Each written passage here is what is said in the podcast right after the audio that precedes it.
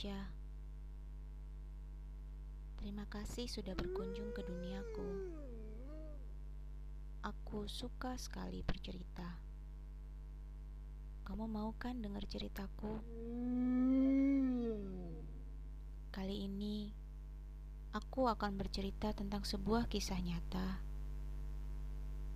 dari sebuah rumah di perkebunan karet. Cerita ini pertama kali ku dengar dari seorang yang bernama Bri di Twitter. Akun pemilik cerita yang asli aku sertakan di deskripsi ya. Kamu juga bisa dengerin ceritaku ini di podcast di aplikasi Spotify. Nama podcastku begini ceritanya.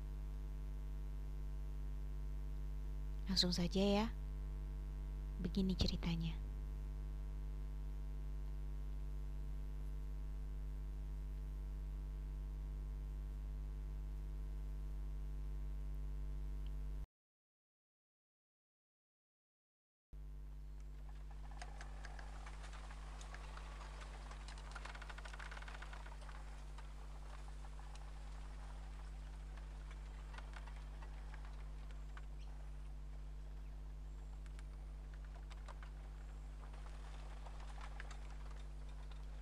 Lagi dengan gue, Bri.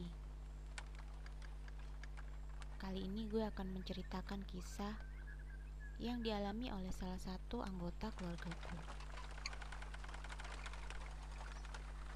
Sebelumnya, gue merasa harus memperingatkan kalian. Jangan pernah mendengarkan cerita ini sendirian. Pokoknya jangan ya. Jadi, aku punya om, namanya Om Harry. Om gue ini pernah jadi supir mobil pengantar jenazah di Semarang. Om yang juga banyak memiliki pengalaman aneh dan serem.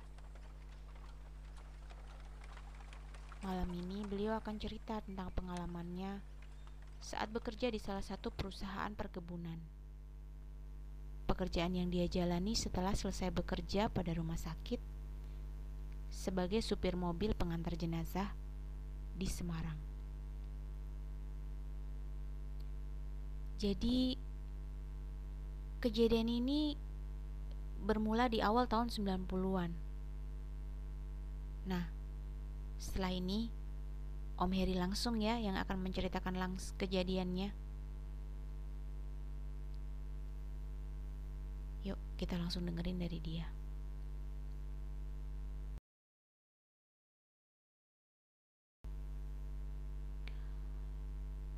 Jadi waktu itu Om itu bekerja di pedalaman Sumatera, tempat yang sangat terpencil, jauh dari mana-mana. Benar-benar di tengah hutan. Hutan karet tepatnya. Ya, alhamdulillah setelah bekerja sebagai supir mobil jenazah waktu itu, Om diterima bekerja di perusahaan perkebunan yang letaknya di daerah sekitar Martapura, Sumatera Selatan. Jauh ya? Nah, waktu itu Om kerja sebagai pengawas perkebunan karet yang total luasnya mencapai hingga ribuan hektar. Ya, tapi tentu saja Om gak mengawasi keseluruhannya hanya beberapa puluh hektar saja yang jadi tanggung jawab Om. Nah, perusahaan ini mempekerjakan banyak orang. Dan yang jumlahnya paling banyak adalah buruh lepas yang bertugas menyadap karet dari pohonnya setiap hari. Nah, pekerjaan Om waktu itu adalah mengawasi para buruh itu. mengawasi para buruh bekerja menurut Om bukan pekerjaan yang terlalu berat. Ya Om senang sih melakukannya. Karena ya waktu itu ya zaman dulu perusahaan tempat Om bekerja ini masih kekurangan orang zaman dulu belum banyak ya orang bekerja seperti sekarang. Maka Om ditugaskan juga untuk mengawasi dan menjaga wilayah perkebunan agar nggak terjadi pencurian. Nah, tugas ini yang paling berat karena harus berpatroli pada malam hari. berdua dengan teman pakai motor. Keliling perkebunan yang ya cukup luas. Selain itu juga yang Om gak kuat adalah harus menghadapi kejadian dan pemandangan seram yang banyak terjadi dalam prosesnya. Tapi ya gimana ya? Harus dikuatin juga karena perusahaan ini memberikan beberapa fasilitas dan juga gaji yang lumayan besar ya pada waktu itu. Nah, salah satu fasilitas yang diberikan adalah tempat tinggal. Jadi, Om nggak usah mengeluarkan uang lagi ya untuk bayar kos atau bayar kontrakan. Om waktu itu dapat mes berbentuk rumah yang disediakan perusahaan lengkap dengan isi dan segala penunjangnya. Pokoknya Om harus tinggal di situ.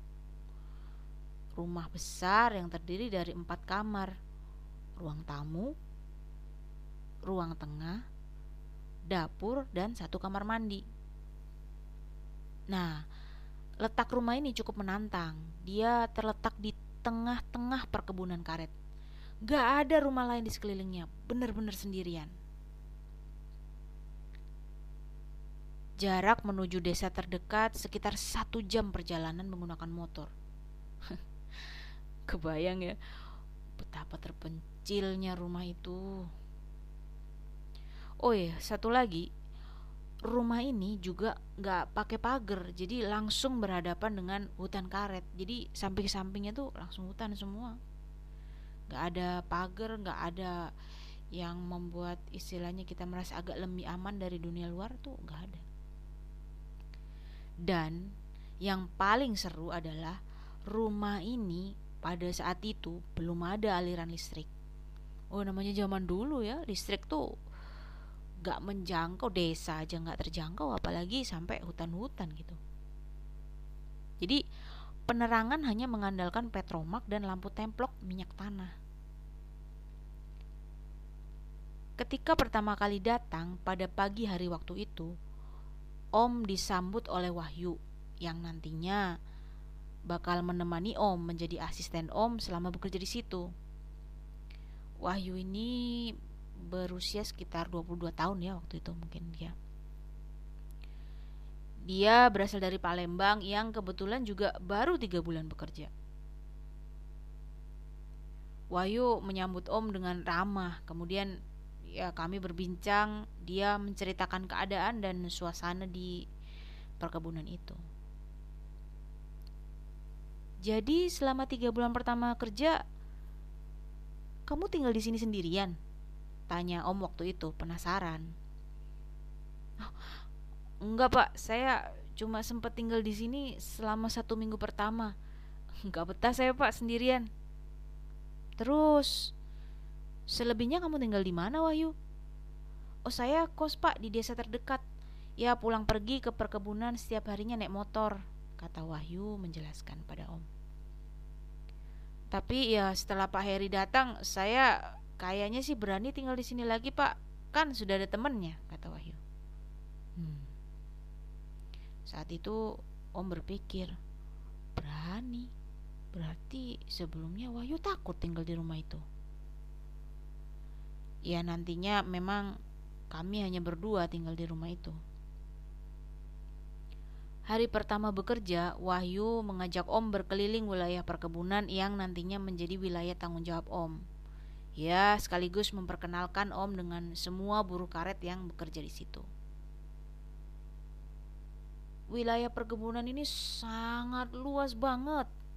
Sepanjang jalan berkeliling menggunakan motor, kami gak menemui apa pun selain barisan pohon karet yang berjejer rapi.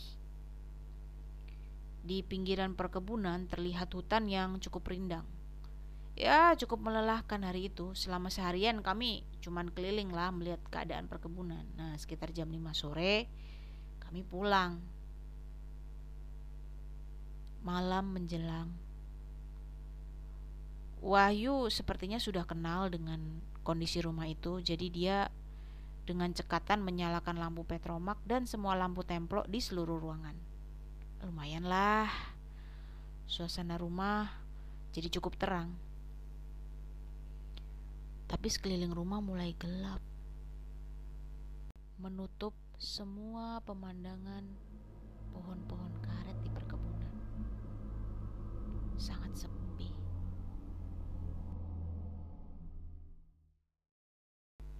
Selepas Isya kami ngobrol di teras depan rumah. Ada dua kursi dan satu meja yang jadi tempat kami nongkrong.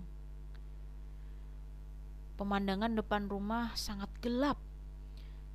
Ya kami cuma bisa melihat bayangan-bayangan sekilas-sekilas pohon karet dan rumput liar di sela-selanya. Suara-suara binatang malam juga terdengar mengiringi suasana. Pak Heri, Nanti tidur di kamar tengah aja ya pak Saya di kamar depan Karena kamar tengah lebih besar dari kamar lainnya Wahyu bilang sama om waktu itu di tengah perbincangan Ya om mengiyakan saja Hingga sekitar jam 9 malam kami masuk ke kamar masing-masing Capek lah hari itu Sehingga om mencoba untuk tidur lebih awal Nah, persis di depan kamar Om adalah ruang tengah Kamar Wahyu ada di sebelah kanan.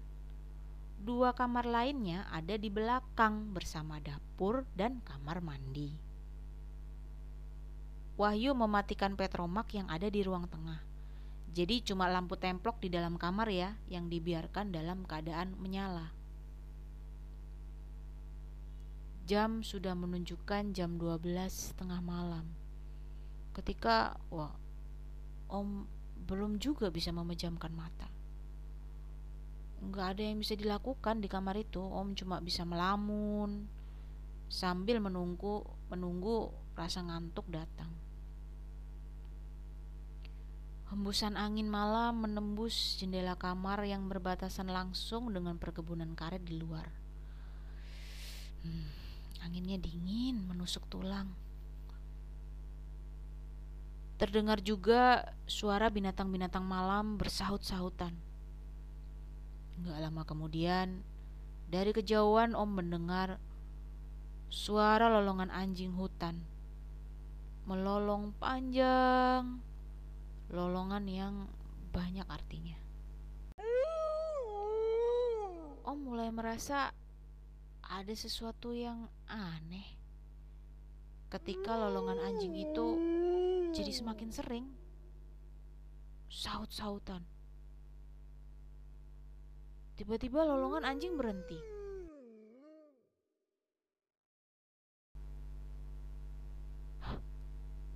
Om terdiam. Suasana jadi hening. Keheningan itu berlangsung cukup lama sih. Sampai Om lihat Jam sudah hampir di pukul satu ketika Om kembali mendengar suara. Suara yang cukup menarik perhatian. Srek, srek, srek. Kira-kira seperti itu sih bunyinya. Dengan tubuh masih terbaring di atas tempat tidur, Om menajamkan pendengaran ya kan Suara itu makin jelas terdengar. Seret, seret, seret. Om kaget ketika Om sadar kalau yang terdengar itu suara seperti suara sapu lidi yang bergesekan dengan tanah. Nah, terdengar seperti ada orang yang sedang menyapu di luar memakai sapu lidi pas di depan jendela kamar Om. Eh, siapa yang menyapu tengah malam kayak gini? Wahyu kah? Bukannya tadi dia mau tidur? Kayaknya nggak mungkin. Pelan-pelan aku bangkit dari tempat tidur dan berjalan mendekati jendela. Mencoba kembali memastikan suara itu asalnya dari mana? Nah, setelah sudah berdiri di samping jendela, suara itu semakin jelas terdengar. Srek, srek, srek. Ya penasaran lah om itu waktu itu penasaran. Om coba mengintip dari sela-sela lubang jendela. Om gak melihat apa pun, hanya gelap gulita. Tapi suara sapu lidi itu kok masih kedengeran ya?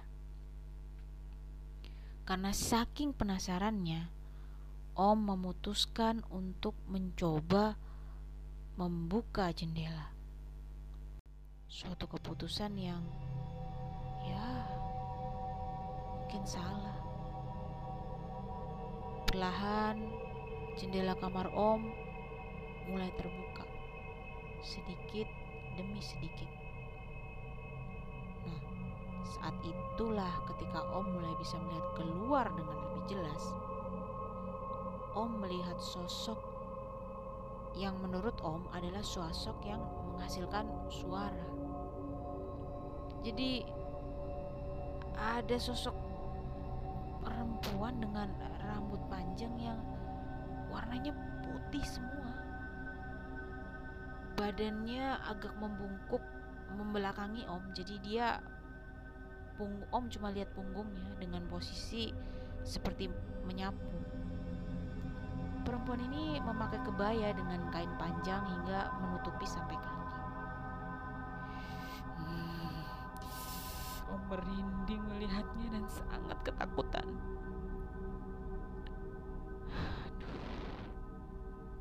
Pelan-pelan Om mulai mencoba menutup jendela. Tapi ketika Om mulai menutup jendela, Om melihat perempuan itu seperti tahu dan mulai membalikkan badannya perlahan. Tangan kanan Om tiba-tiba berhenti bergerak ketika sedang mencoba menutup jendela karena wajah perempuan itu perlahan mulai terlihat. Wajahnya mulai terlihat jelas walaupun dalam keadaan gelap karena kami ini cukup dekat sebenarnya hanya sekitar 4 meter.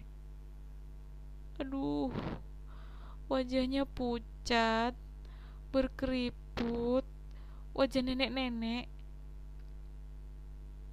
Sambil berdiri menyamping, nenek itu menatap ke arah Om yang berdiri di balik jendela. Kemudian dia senyum. Bukan. Ternyata nenek itu bukan senyum, tapi menyeringai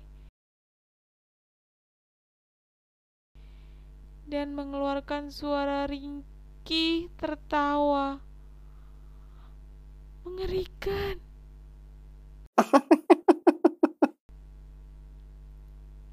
Refleks Om langsung menutup jendela dan menguncinya. Om kembali bergegas naik ke atas tempat tidur. Om tutupin lah itu seluruh tubuh dengan selimut sampai kepala. Suara sapu lidi nenek itu masih terdengar. Ditambah sesekali suara tawanya yang ringkih juga terdengar pelan. Om ketakutan, gak berani berbuat apa pun. Dan Om sayup-sayup mendengar suara lolongan anjing kembali terdengar bersahut-sahutan. Om membaca doa lah semampu dan sebisanya, mengharap perlindungannya, berdoa semoga teror itu cepat berakhir. Menjelang jam 3 pagi, teror itu akhirnya berhenti. Kemudian Om baru bisa terlelap. Peristiwa malam itu nggak Om ceritakan kepada Wahyu. Om coba untuk simpan sendiri, karena Om nggak mau membuat Wahyu ketakutan. Apalagi sampai dia nggak mau menemani Om tinggal di rumah itu. Wah, bisa gawat ya. Di samping itu juga Om sudah mulai sibuk dengan pekerjaan yang cukup melelahkan. Malam-malam berikutnya suara nenek menyapu di luar itu tetap sekali terdengar lagi, tapi Om mencoba mengabaikan dalam ketakutan Om memaksa diri untuk mengabaikannya, cuekin dan membiarkan hingga suara itu menghilang dengan sendirinya menjelang pagi. Sekitar satu bulan tinggal di rumah itu, ketika Om dan Wahyu sudah semakin akrab, kami sudah dapat berbincang mengenai hal apa pun, sudah nggak nggak terlalu formal lagi seperti di awal. E, Pak, memangnya Pak Heri bisa tidur Pak nyenyak di kamar itu sendirian? Wahyu bertanya pada suatu ketika. Nyenyak-nyenyak aja yuk, memang kenapa? Tanyaku. Oh, nggak nggak apa-apa pak, kata Wahyu menggantung pembicaraan. Pembicaraan. Memangnya kamu nggak bisa tidur nyenyak yuk? Oh bisa pak, bisa. Jawab Wahyu sedikit gelagapan. Om gak terlalu ambil pusing dengan percakapan itu. Hingga pada akhirnya ada peristiwa yang terjadi pada satu malam Jumat yang membuat Om akhirnya tahu alasan dibalik sikap Wahyu. Seperti biasa, malam Jumat itu lepas isya kami ngobrol di teras depan rumah. Wahyu dengan energi yang kayaknya masih semangat banget. Masih semangat ngobrol. Segala hal kami obrolin tentang pekerjaan, keluarga, dan lain sebagainya. Tapi ada satu topik yang selalu kami hindari. Ya sebenarnya Wahyu sih yang terlihat sangat menghindari, yaitu masalah mistis dan hal-hal aneh yang terjadi di rumah itu. Setiap perbincangan kita sudah menjurus ke arah itu, Wahyu pasti langsung mengalihkan topik pembicaraan. Dia langsung memperlihatkan gelagat yang aneh ya seperti ketakutan lah Gak terasa waktu sudah menunjukkan jam 10 malam Kami sudah semakin lelah dan ngantuk Bahan obrolan pun udah semakin dikit ya Malam itu cukup dingin sih seperti biasanya Walaupun gak ada angin yang bertiup Suara jangkrik bersaut-sautan gelap gulita mulai menjadi teman akrab ketika malam tiba. Ya, kami mulai terbiasa dengan pemandangannya. Dalam keheningan kami yang masih terdiam, melamun menikmati pikiran masing-masing, tiba-tiba kami mendengar suara dari kejauhan.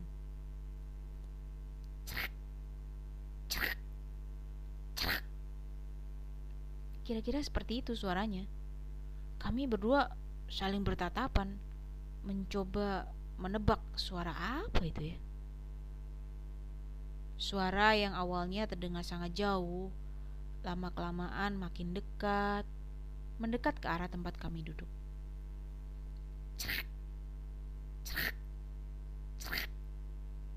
Semakin jelas dan kuat suara itu terdengar.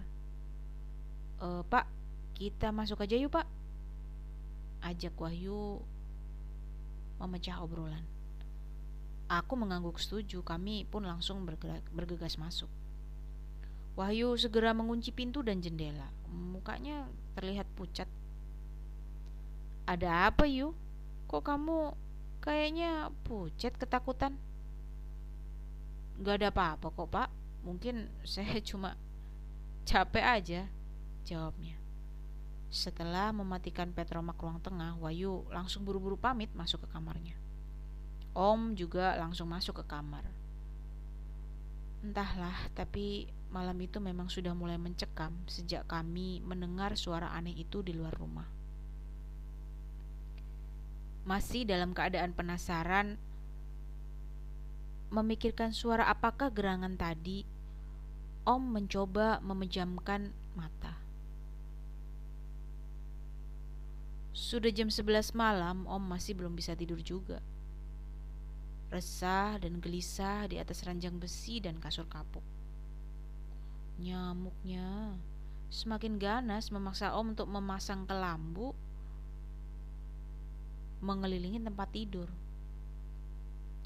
Nyatanya waktu itu Om cuma bisa melamun, guling ke kanan, guling ke kiri, ngantuk nggak datang juga. Hingga ketika jam 12 malam Om mendengar ada sesuatu yang terjadi.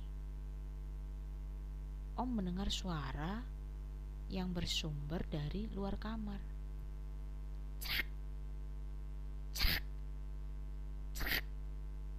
Suara yang sama persis dengan yang Om dan Wahyu dengar sewaktu di luar rumah tadi. Tapi kali ini suaranya sangat dekat. Karena entah apa pun itu, suaranya sudah masuk ke dalam rumah.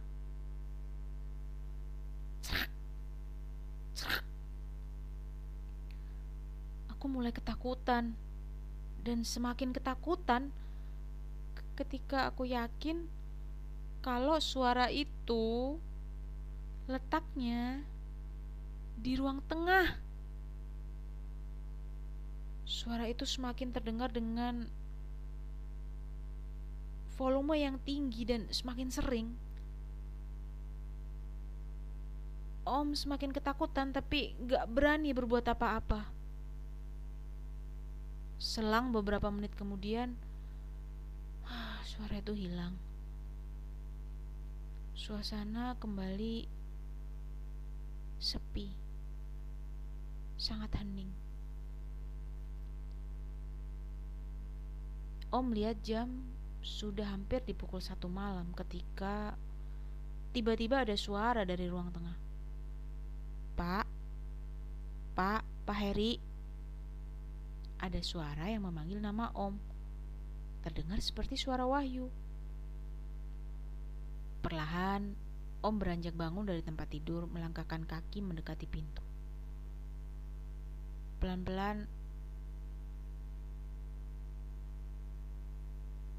Kuputar gagang pintu dan membukanya. Setelah pintu terbuka sebagian, aku lihat keluar yang ternyata waktu itu nggak ada siapa-siapa.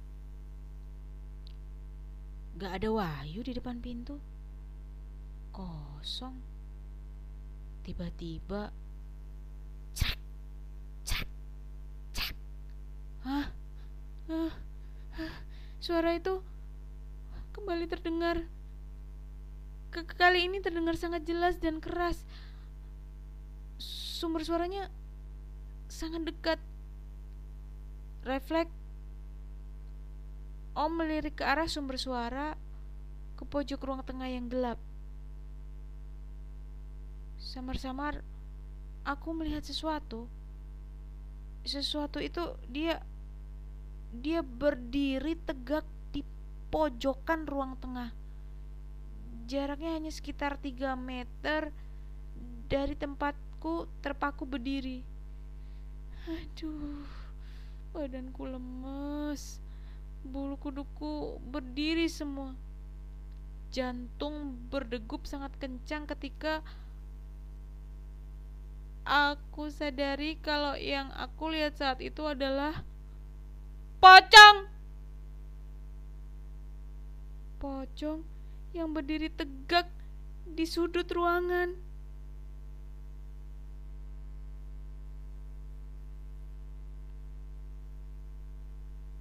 Halo teman-teman.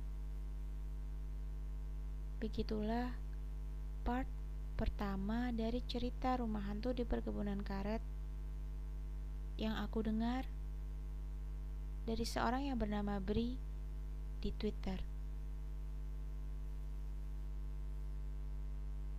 Kalian juga bisa berkunjung ke akun Bri di Instagram ya. Aku sudah sertakan akunnya di link deskripsi. Jangan lupa, kalau kamu suka mendengar cerita-ceritaku,